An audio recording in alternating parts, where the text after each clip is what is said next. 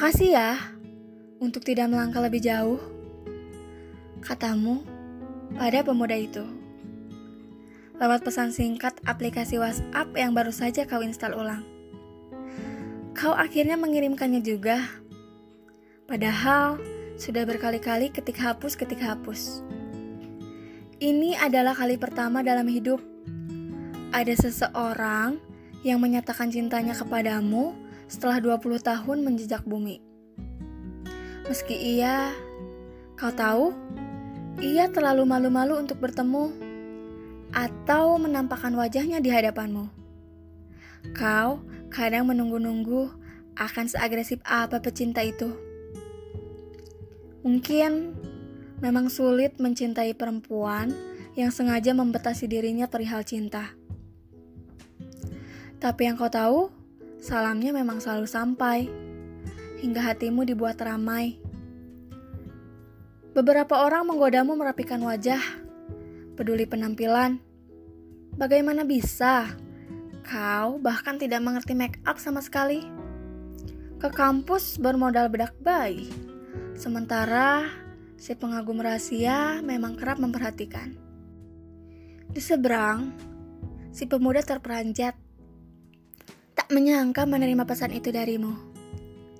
Berharap kisah ini tak lagi bertepuk sebelah tangan atau tidak lagi berujung stagnan. Memikirkan kata-kata yang mesti disampaikan.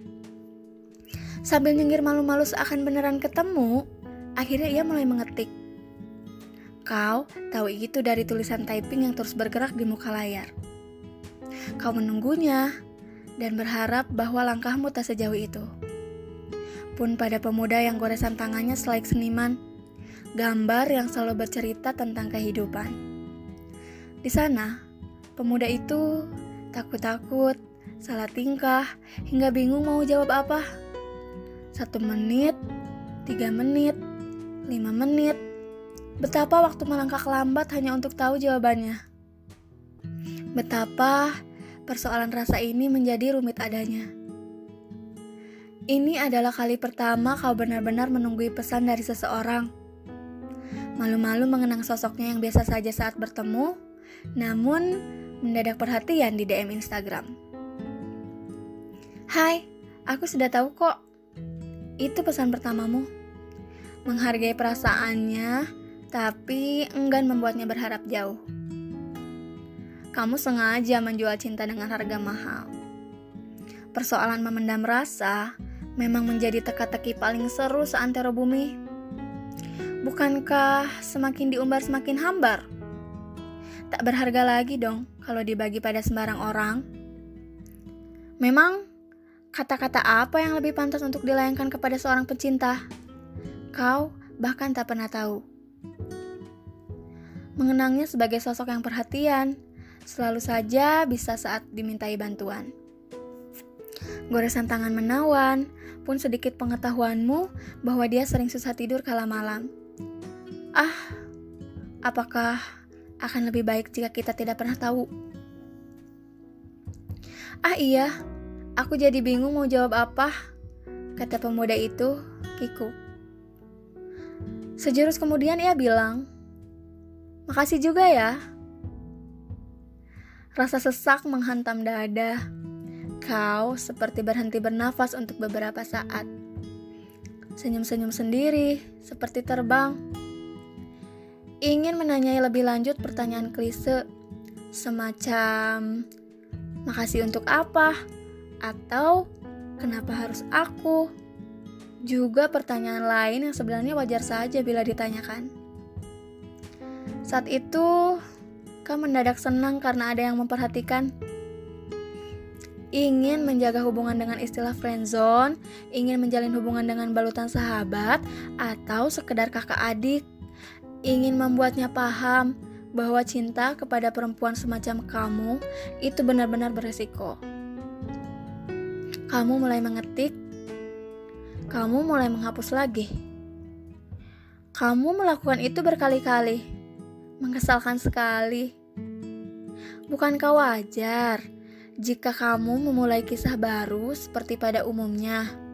Toh, dia adalah laki-laki yang baik dan kamu perempuan yang menjaga diri. Bukankah wajar untuk sesekali memintanya mengantarmu saat pulang malam?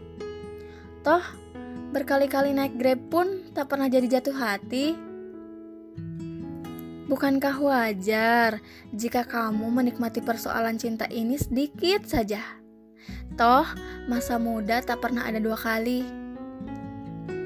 Tapi, kemudian aku melihatmu menghapus kontak pemuda itu. Semua personal chat hanya seputar akademik dan pesan tadi. Kamu benar menghilangkan rekam jejaknya. Tak bersisa.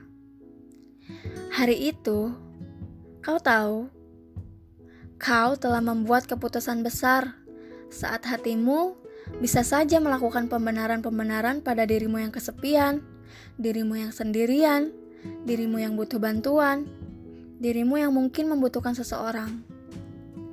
Kau menyukai pemuda itu, tapi tidak dengan caranya. Kau ingin untung, maka berhenti untuk mencintai yang tanggung. Terus, udah gitu, dalam hati kamu bilang, Aku menyukainya karena kelebihan yang ada padanya. Tapi dia memang tidak punya apa-apa. Dan rasa ini pun bukan dia yang sebenarnya menggerakkan. Maka aku ingin mencintai yang punyanya aja deh. Biar dia nggak cemburu dan untungnya sekalian. Lucu banget sih kamu. Di sini aku cuma mau bilang nasihat lama. Mencintai itu indah, dicintai itu sesuatu, tapi mencintai dan dicintai Sang Pencipta itu adalah segala-galanya.